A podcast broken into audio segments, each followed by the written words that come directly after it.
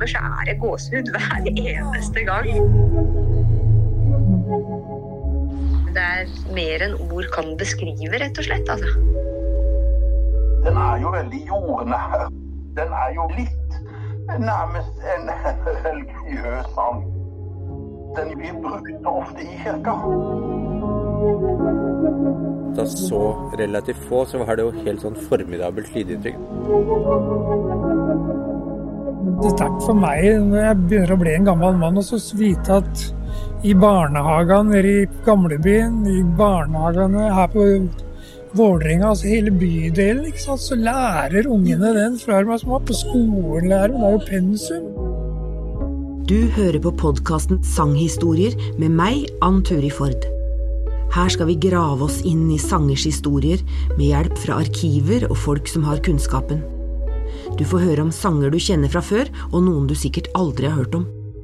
Men alle har dramatiske, rørende eller sterke fortellinger, både i selve teksten og i historien rundt. Og så lurer jeg på en ting. Hva er det med sanger? Hvorfor blir de fleste av oss mer berørt når ord kommer med en melodi?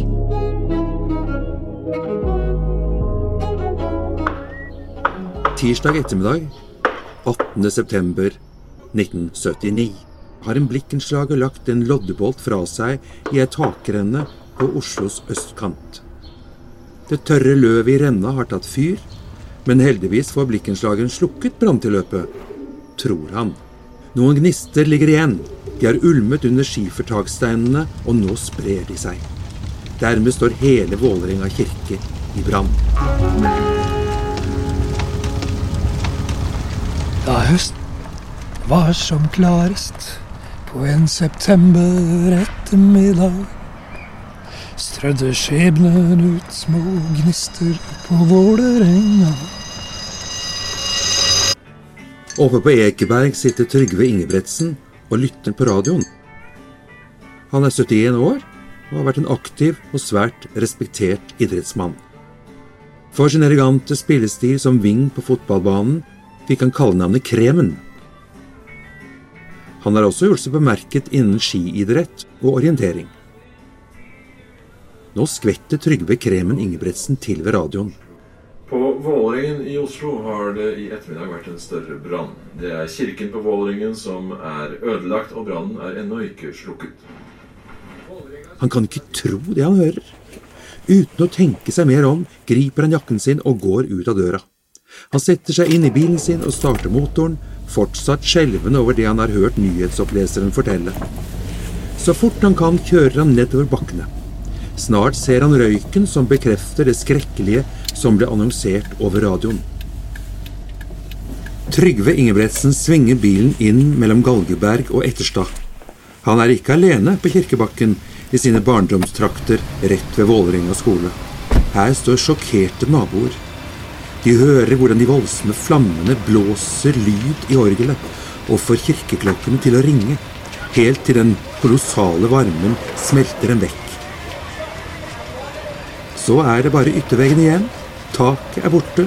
Emanuel Vigelands malerier, orgelet, alteret, prekestolen og alt annet er tilintetgjort.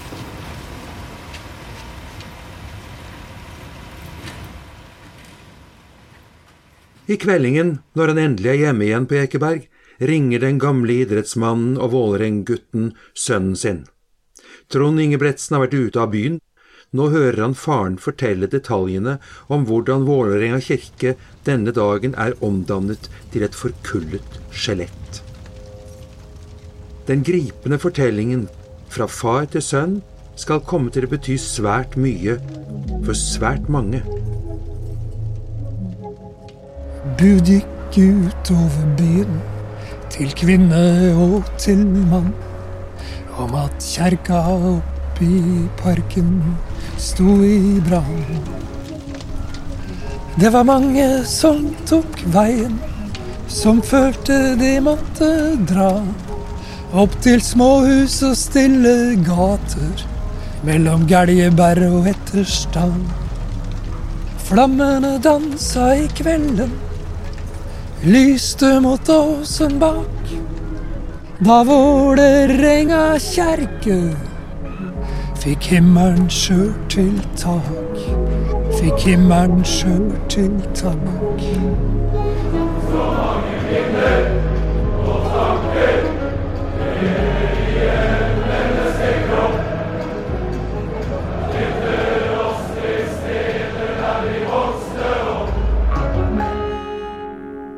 Nå skal du få historien om sangen Vålerenga kjerke, en sang som fyller 40 år i 2022. Han du hørte der, var Trygve Engebretsens sønn Trond. Han er mannen bak sangen til ære for kirken som brant ned 18. september 1979, og ikke minst til ære for lokalsamfunnet rundt. Trond er frontfiguren i bandet Bjølsen Valsemølle. Han spilte inn låten først to år etter brannen. Trond Ingebretsen kunne ikke drømme om hvilken betydning sangen hans skulle komme til å få, milelangt utover det å minnes den gamle kirken. Dette her er fortellinga om en sang som synges av flerfoldige tusen folk annenhver uke i store deler av året. Den begynte som en hyllest fra Trond til lokalsamfunnet på Vålerenga og til faren, som ble kalt Kremen, og som spilte Ving på Vålerenga i ti år. Trygve Ingebretsen ble født 6. oktober 1907 i Kristiania. Han konkurrerte på høyt nivå både i fotball, skiidrett og orientering for Vålerenga, og fikk omtrent 60 skipremier på slutten av 1920- og 1930-tallet. Fem år etter at han døde i 1990, lagde Trond en helt annen sang til ære for faren sin. Den het Fra store stå på Bislett. I dag er Trond Ingebretsen pensjonert lærer, men han er absolutt ikke pensjonert musiker. Jeg møter han på Kirkebakken ved Vålerenga kirke. Nei, altså faren er jo Vålerenga-gutt. Han Ja. er jo født i- borti Strømsveien 12 og var eh, livet sitt på Vålerenga. Fotballspiller i mange år. Og han, var jo døpt her, og han var konfirmert her, og han gifta seg riktignok ikke her, men uh, han hadde jo et nært forhold til Vålerenga og kjerka. Og han hadde jo liksom et veldig sterkt forhold til idrettsforeningen òg, selvfølgelig, som han har vært med i alle år. Både som fotballspiller og skiløper og orienteringsløper. Så han var knytta til Vålerenga. Altså. Og Så- hadde mye venner her. Men han levde fortsatt når den sangen ble skrevet? Ja, ja, han, har lyst til- han levde Han døde vel i 90, han. Så han likte sangen? Ja, det var en fin sang. Han likte det. Altså. Ja. Det var ikke alltid like lett for det der med meg å spille i rockeband og sånn, men jeg lagde den Vålerenga kjerke, så da, det syns han var moro. Altså. Og han visste at den var til ære for han? Eller til Ja, til han ære av skjønte vel litt det. Jeg sa jo også det. At den, Ja. ja. Guri, så Så det var stas. Det er litt det samme med mora mi òg. Hun var jo fra Kampen. Oh, ja. Og hun også leide i meg og rock'n'roll-greiene. Det var liksom Visste ikke helt hvor akseptabelt det var. liksom, Hun syntes det var moro. da. Men når jeg lagde den første plata, og ikke minst den Vålerenga kjerke, da skjedde det et eller annet. altså. Da skjønte de at det var et eller annet ved det. Hvor lang tid tok det før du kom på at det, dette kunne bli en sang?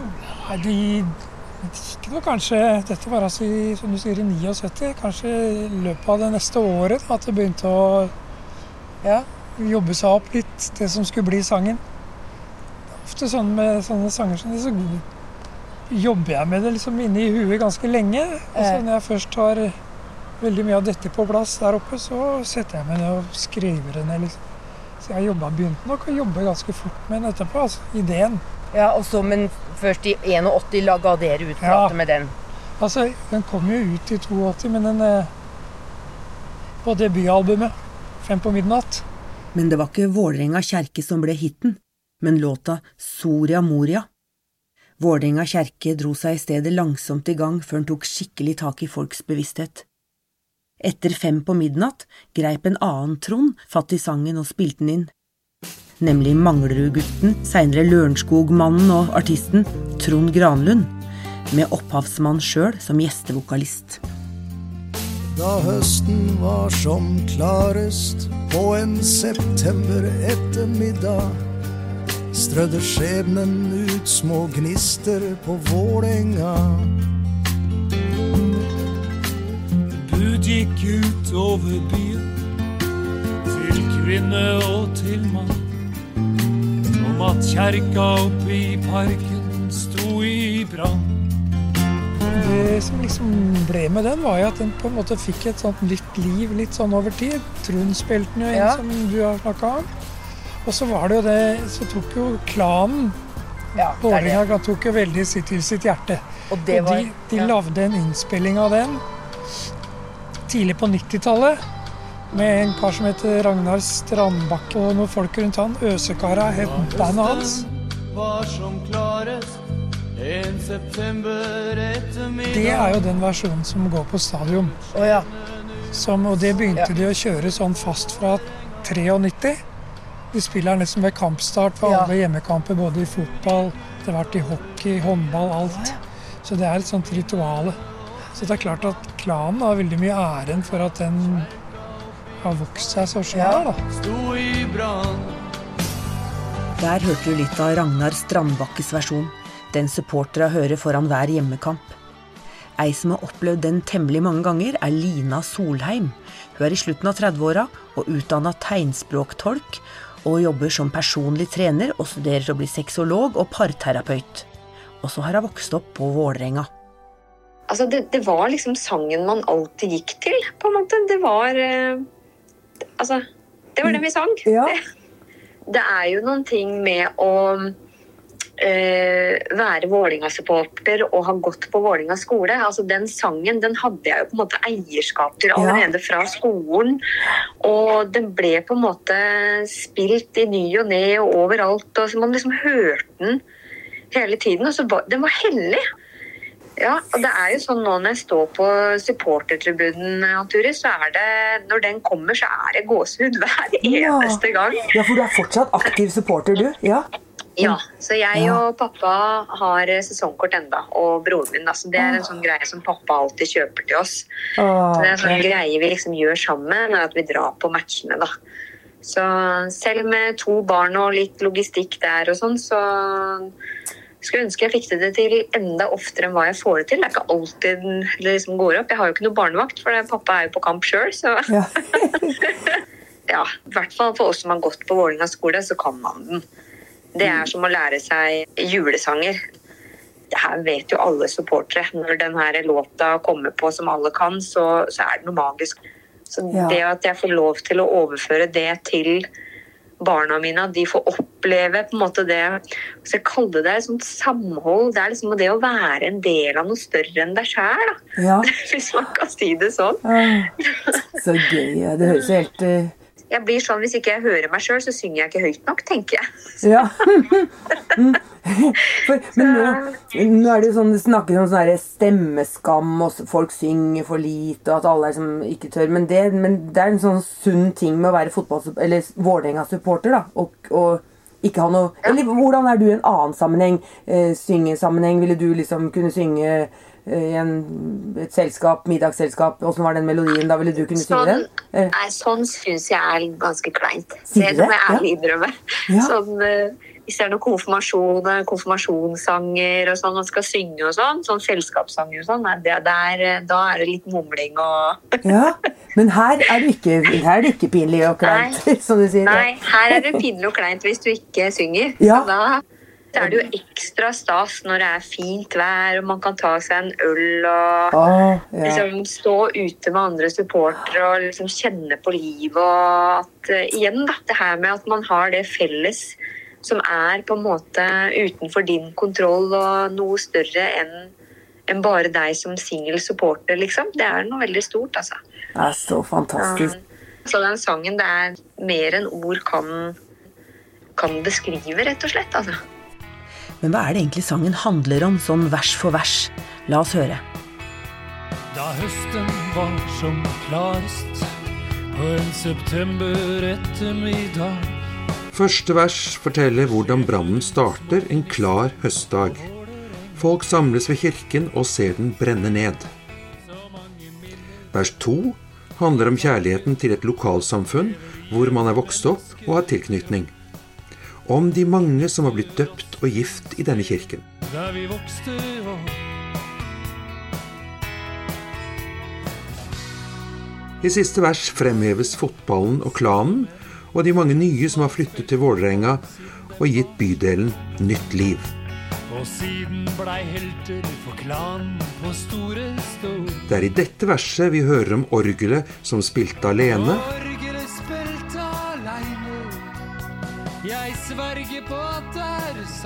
om kirkeklokka som ringte, og taket som forsvant. Slik at Vålerenga kirke ble stående naken, grå og øde Som en skygge mot åsen bak.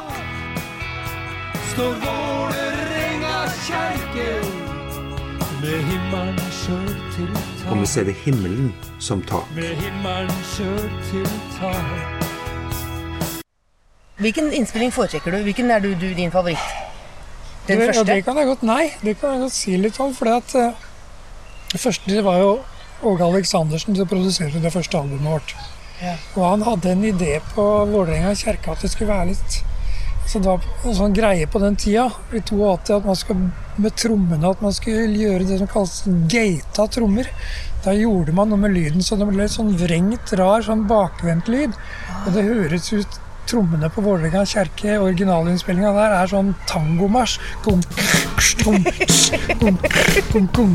Som går hele tida. Veldig irriterende.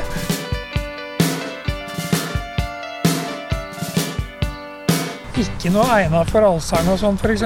Så det, det var litt sånn dumt i ettertid. Det var morsomt der og da, men ikke så kult etterpå. Høsten var så klarest, Men så spilte vi den jo inn på nytt igjen i um, 2007. På et sånt uh, album som heter Over elva, hvor det var én CD med gamle nyinnspillinger og en, en ny CD med nyinnspillinger. Der er den, litt mer sånn uh, en versjon som jeg syns er greiere. Så den er den du Ja, Ja. hvis jeg skal linke til, Ja. så er det den. Ja. Så er det en sånn liveversjon fra Herr Nilsen òg, som kom i 2017, som også er veldig fin. Altså. Det er noe som vi spiller her nå, liksom. Du er ikke lei? Blir ikke lei? Ikke lei? Nei, jeg blir jo ikke det. Altså, det er jo veldig, for det er jo alltid en låt som du får når du spiller for folk, så får du veldig mye tilbake, Ja. ikke sant?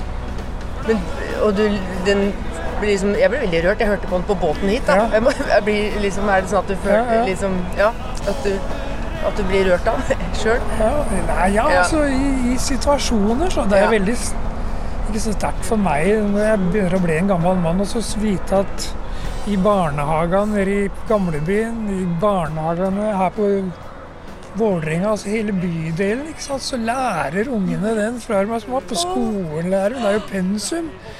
Altså konfirmasjonsundervisninga her, altså det, det er jo blitt en sånn Ja, ja, ja.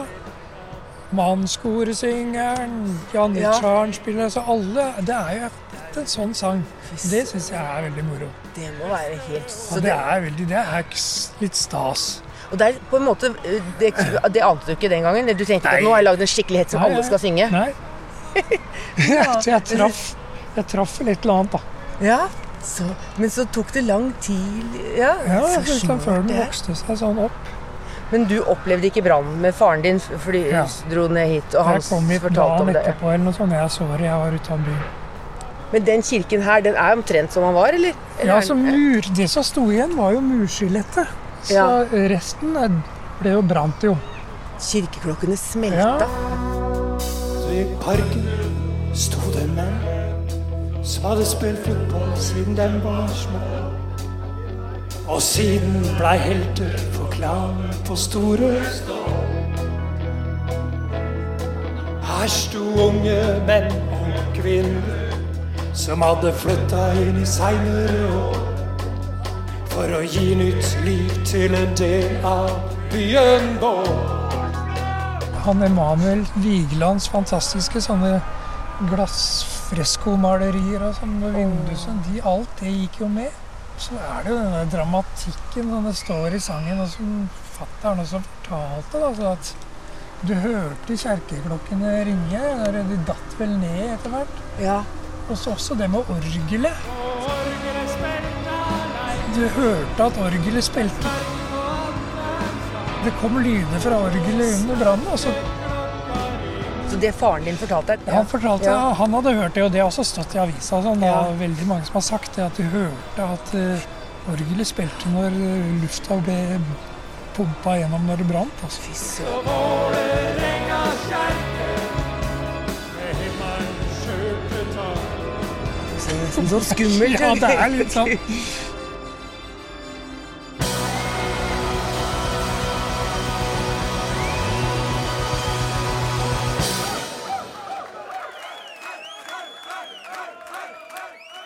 I dag er Vålerenga kjerke allemannseie.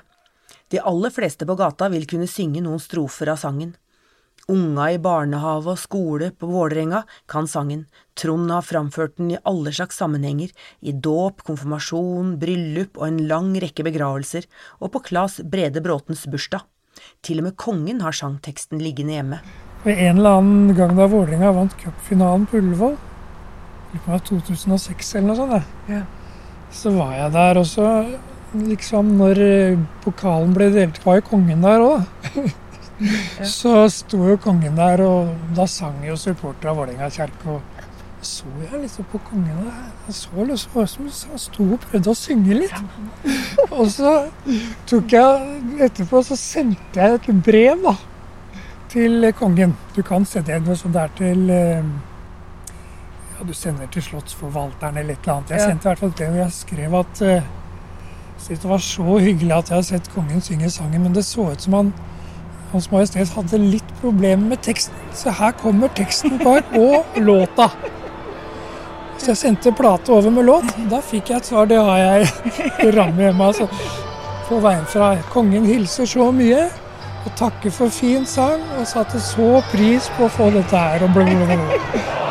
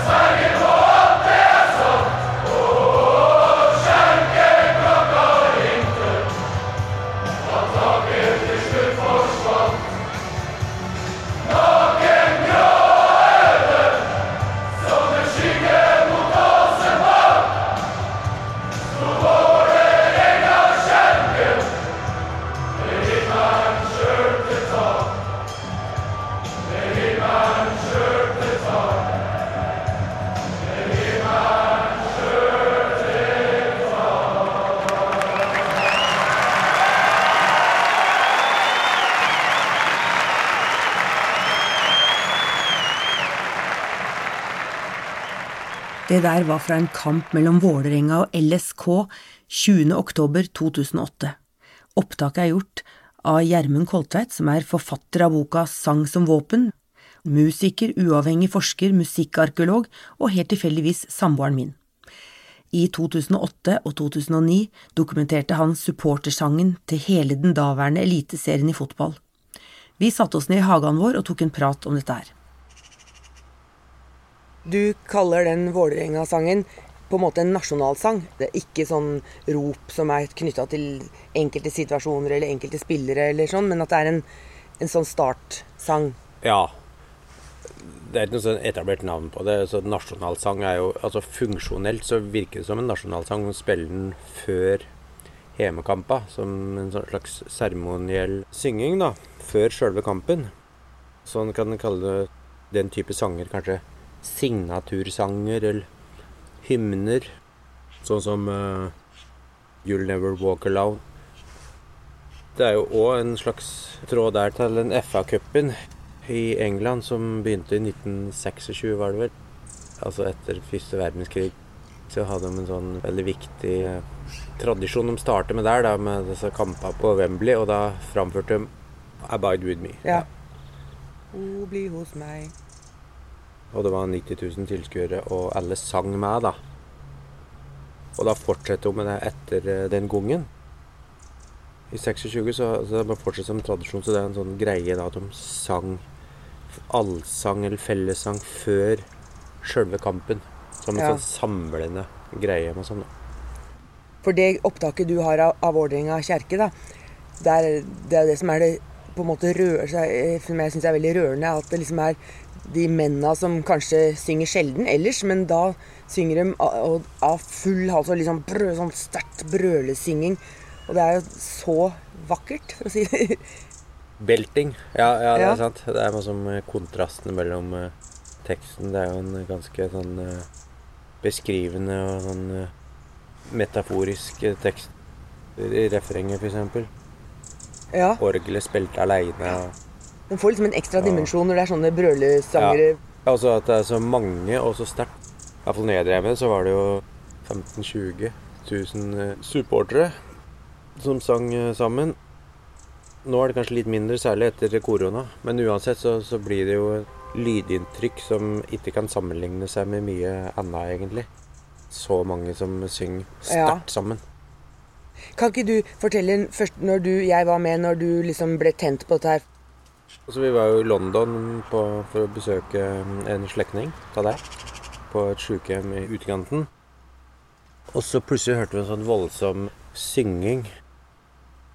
Vi visste jo ingenting. Vi bare kom gående der. Så plutselig hørte vi en sånn lydmur av sang. Og så viste det seg at det var en eh, gjeng med mannfolk som eh, sto utafor en pub. Det var ikke så fryktelig mange, kanskje 20-30 eller noe sånt. Men det var et kjempesterkt eh, lydinntrykk, og det, ga gjenklang mellom eh, bygningen der. Viste seg etterpå at det var kamp på Wembley, for det var ikke langt unna Wembley. Da så relativt få, så var det jo helt sånn formidabelt lydinntrykk. Det var helt sånn altså krigsmetafor og åpenbar. Men eh, det blir litt sånn primitivt å sammenligne supportersang med krigssang. Ja, det er jo en kamp, og det er jo mye til felles, men det er like mye en, en sånn folkelig sangmåte som er videreført eh, der, da. Ja. De laga nye tekster på etablerte melodier, som folk har gjort i lang, lang tid. Innenfor skillingsviser, ballader og, og alle mulige sjangere. Så har folk bare dikte aktuelle tekster for en situasjon på kjente melodier som alle kunne. Du har snakka om at uh, Vålerenga den derre Ære være Vålerenga Den er også mange som bruker. Det er jo bare én blant eh, veldig, veldig mange sanger som Vålerenga-klanen har. ikke sant? Glory, glory, hallelujah.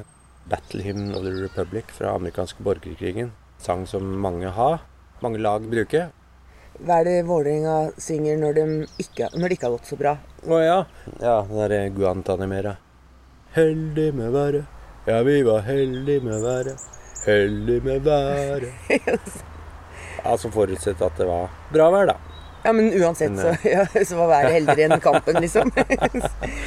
men, uh, Men det er jo mange som har sånne sjølironiske låter. En, en kjent en fra England er den derre på, på melodien 'We'll eh, meet again'.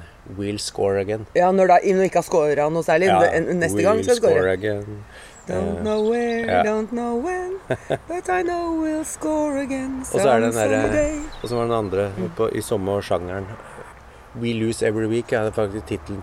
En bok om engelsk eh, supportersang som er eh, We lose every week, we lose every week. You're nothing special. We lose every, Every week. week. Norge har alltid vendt seg mot England når det gjelder fotball. ikke sant? ja. Engelsk fotballtradisjon. Og sånn er det jo i sangen nå, at de fleste laga bruker den engelske tradisjonen, for det var der det startet da, på 60-tallet med synging underveis i kampa. F.eks. i Liverpool så sang de jo med på de kjente låta som var populære med de lokale banda. Beatles og Eh, Cilla Black og Ja. The Pacemakers og Pacemakers. sånn. Som ikke har originalen til uh, You'll Never Walk Alone. Cover allerede da. Ja. Den eh, måten å, å synge på, da. Kjente melodier og etter hvert egne tekster, da. Det er mange sanger, sånn som den ene kampen jeg dokumenterte. Da var det en aksjon at de var helt stille første kvarteret av kampen. Og så, etter et kvarter, så, så satte de i gang å synge. Og da var det skikkelig intenst. Og da fant jeg ut at på en halvtime satte de i gang ca. 30 ulike sanger. Nye sanger. Vil si en ny sang per minutt. Og det sier litt om kreativiteten. Altså, det, er, det en hel haug med sanger. Og alle kan Eh, teksten og sånn. Ja.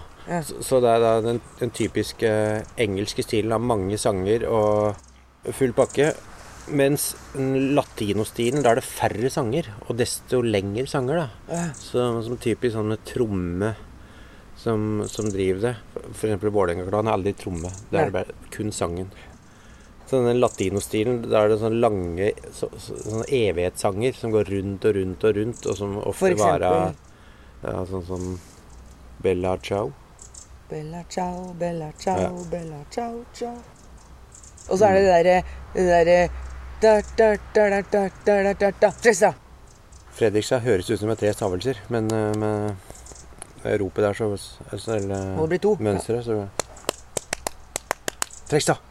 Det blir, det blir Frekstad. Ja. Men uh, en enda stiligere variant er jo da Start, da. Eller Start. Start! Ja, hva er din favoritt eh, da? Nei, altså det er Vålerenga kjerke er jo Den står veldig høyt, da. Jeg må si det. Ja. For, for det er noe med supportersang at det blir en helt annen frasering da, enn Ja. en sånn ordentlig, i anførselstegn, skolert sang og studieprodusert sang. Det er noe med dynamikken når mange tusen synger sammen, så blir, det, så blir strofen annerledes. Og, og sånn, og det er noe med å ta sats for å komme sammen. og ja. Det er så kult. Ja, det Sånn som, eh, ja. sånn som eh, ja, nystemten. Ganske mange sekunder før den kommer sammen. For når de Ja. synger uten playback, så er det ikke sant? Jeg, Uten dirigent og noe. Jeg tok min så Det hørtes en sånn merkelig lyd som var vanskelig å lokalisere. Ja. Så plutselig så Ja, det er Nysenten, ja. Og så det og I løpet av første strofe så kommer de sammen. Og nå, da er de sammen. Sorgen forgikk meg! Da er de plutselig sammen. Og da må man liksom feire at nå Yes! Nå, Yes, vi kom der, er- sammen. Der var vi. Så herlig. Så fotballsupportersang er en superbra ting. Det er sikkert sunt for dem som synger, og superbra for laget og eh, bra for eh, Eller er det noe negativt? Ja, det er jo helt sikkert mye negativt, som, for det er jo mye rasisme og sexisme Ja. og alle de tinga der. Ja. Men samtidig så er det jo, hvis det er noen som har tatt tak i det, så er det jo fotballen og miljøet. Ja. Med antirasisme og alle de tinga der. Så summa summarum så må det være supersunt å være med i Vålerenga-klan eller i en annen klubb.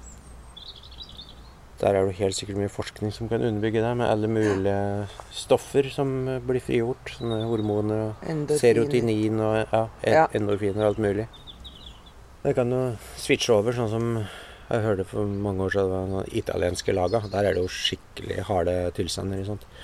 Og der var det sånn at eh, Der fikk de sparken fra klubben de ikke var aktive som meg og sang sterkt. Så hvis det var, hvis det var pingle, så dessverre ut.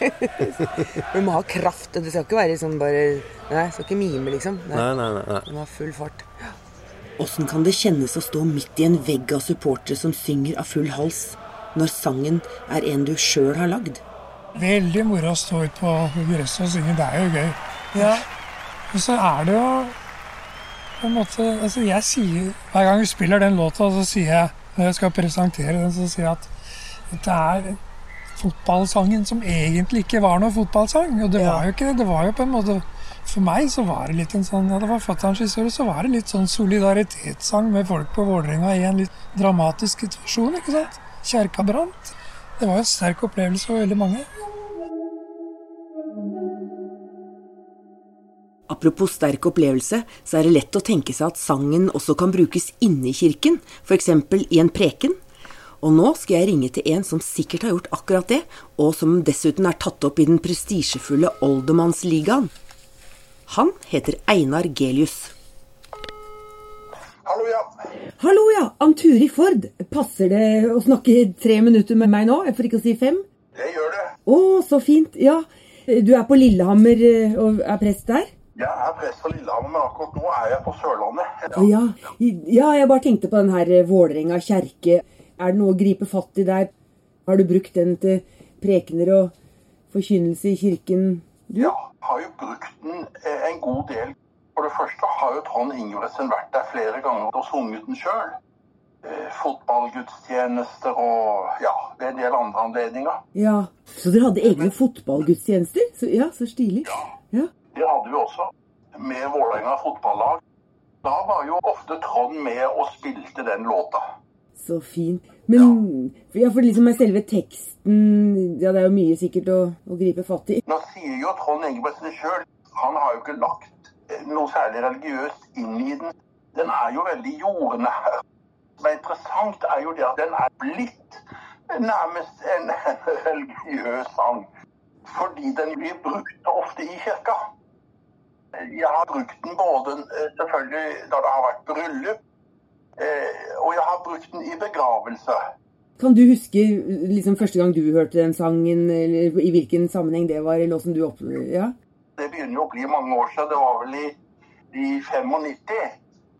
Svigerinnen min hun sendte meg den. Gratulerte da med jobben på Vålerenga. Og, og så sendte hun meg den teksten.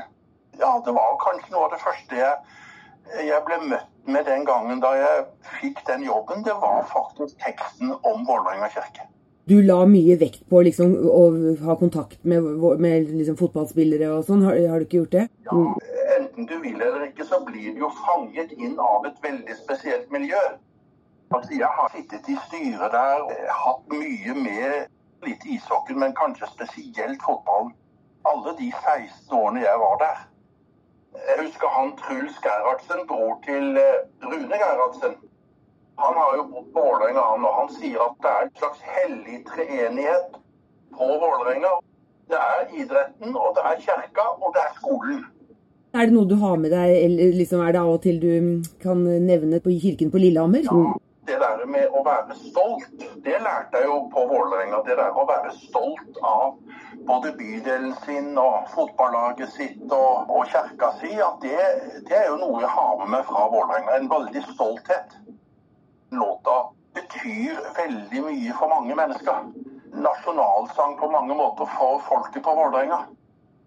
Det er jo like rørende hver gang, enten de er på, på Vålerenga vertshus, ikke sant, eller det er Vålerenga janitsjar, eller det er i kirka, eller vi er på fotballkamp, så er det like høytidelig og rørende hver gang. Det er noe av det viktigste og kjæreste som folket på Vålerenga har. Det, det er jeg ikke tvil om, altså. Einar og jeg ble, var jo her gang på gang og sang den der sunget med dåp, i konfirmasjon, i bryllup, i begravelser, ikke minst. Jeg, jeg, jeg, er Jeg er ikke kristen sjøl, jeg er ikke troende sjøl, men jeg Vålerenga kjerke har liksom, og Ja. prestene her har jo alltid vært Men jeg, folk må jo få tro hva de vil. Altså, religion, kristne, har veldig mye bra. Det. Først fem år etter brannen 2.12.1984 blei kirken innvia på nytt. Da hadde det vært en omfattende gjenoppbygging. Kirken var helt forandra innvendig, kirkeskipet var kutta på midten, og alteret sto i sentrum av rommet. Koret var blitt en menighetssal med plass til 200 folk. Et glassmaleri av Håkon Bleken hadde erstatta Emanuel Vigelands malerier. Men den nye kirken hadde også en frise av Vigeland. En liten ting helt til slutt. Det å se Vålerenga kirke i brann var ikke det eneste dramatiske Trygve Ingebretsen var vitne til i løpet av livet sitt. Da han var ung, så sto han langt framme i folkemengden sammen med faren sin da svenske løytnant von Segerbaden skulle vise kunstene sine i lufta ute på Bygdøy. Den dramatiske historien ble også til en sang og en stilig video som du kan finne link til i episodeinfoen. Her forteller Trond hva som skjedde. Altså, da faren min var liten gutt, tolv år, så var han med faren sin ut på hengsenga. Vet du hva det er på Bygdøy? Det er svære jordet som går ned mot Bygdøy sjøbad. Oh, ja. Det, ja. Et kjempesvært åpent jord. Der var det flystevne. Oh. Den svenske våghalsen og flyveren Carl Gustav von Segerbaden skulle holde oppvisning. Dette er i 1921. ja. Og det er 30 000 mennesker der ute. Det var mye til å være Oslo den gangen. altså. ja. Segerbanen tar av. Gjør alle de klassiske triksa. Looper og spinner med fly. Det er en sånn dobbeltdekker. ja. Men så plutselig skjer det. I 400 meters høyde så knekker den ene vingen, og Segerbaden bare rett i bakken og blir drept på stedet. Alle så på Ja, det. alle så det der. Med et mirakel så traff han ikke noe folk. Han traff rett foran folkemengden, men far min sto ganske langt foran der, fortalte han. Han opplevde Altså, han var jo helt Det var et sjokk, ikke sant? Han var nærmest litt traumatisert og kom veldig ofte tilbake til den historien. Ja. En del av greia er at han i løpet av livsløpet ditt så satte han seg aldri i en flymaskin. Altså. Aldri. Nei. En annen historie ved saken er at jeg kjenner jo han som leda det Så vet, Det var jo Blikkenslagerlaget som skulle oh, ja. reparere takrennene, som var hele greia. Å gud, du kjenner blikkenslageren? Ja. Stakkars han, tenkte jeg på. Ja. Ja, altså Blikkenslageren skulle prøve, så De holdt på, og så var, lå det mye tørt løv innunder taket, liksom. Så de drev og lodda på nye takrenner, og da ble det noe sånn glogreier. Oh, ja. Og de trodde de hadde sluk slukka det. For det begynte litt, og så bare dro de ned, men så bare blussa det opp igjen, og da klarte vi ikke å stoppe det. Og da var det i gang. Han er jo han, er, han, var, han er jo en fyr som har en jobb oppe i Vålerenga-systemet, han. Blikkenslager. Ja. Han, han kom på en eller annen fest igjen, så kom han bort til meg. Jeg tror vi var på do eller så sa han trodde jeg skal fortelle deg noe. Uten meg så hadde du aldri skrevet den sangen. Så hadde du aldri tjent de penga som du har tjent på den sangen. Så jeg er din liksom eh, Ja, et eller annet. Ja. Og det, Det sant, ja. Han fikk faktisk en sånn eh, Han fikk en dom for uaktsomhet, tror jeg. Sånn en bot eller noe sånt for det. ja. Men det er klart, uten han så hadde det ikke Nei, ingen sang. så han eh, Det er aldri så gærent det ikke er godt for Ja, noe. et eller annet For det var, det var kun materielle skader. Ingen, ingen Nei, skader. nei, nei, nei ingen. noe- Ja. Men veldig mye som Altså, det var bare murkonstruksjonen da, som ble igjen etterpå. Alt gikk opp. Nå. Men um, det, det var sikkert en trøst for han da, at det ble noe bra ut av det. Ja, ja, ja. ja. Ja. Det ble en fin sang. Hva er det som gjør at den teksten her virker så sterkt? Han som jeg lager den podkasten her sammen med, Øystein Vesaas, tenker at det ligger noe i den siste tekstlinja. Da Vålerenga kjerke fikk himmelen sjøl til tak. Mens orgelpipene fortsatt spiller. Det er som om kirken ofrer seg. Utbrent, ribba, forsvarsløs og naken under stjernene det har vokst til nesten som et vern fra en skytsengel for alt folket på Vålerenga. Sanghistorier er en podkast av Ann Turi Ford og Lydkjøkkenet. Ann Turi Ford står bak manus og research. Øystein Vesaas har gjort klipp og lyddesign. Og Jo Koltveit har laget musikken. Jeg, Leif Blix, har lest tekster.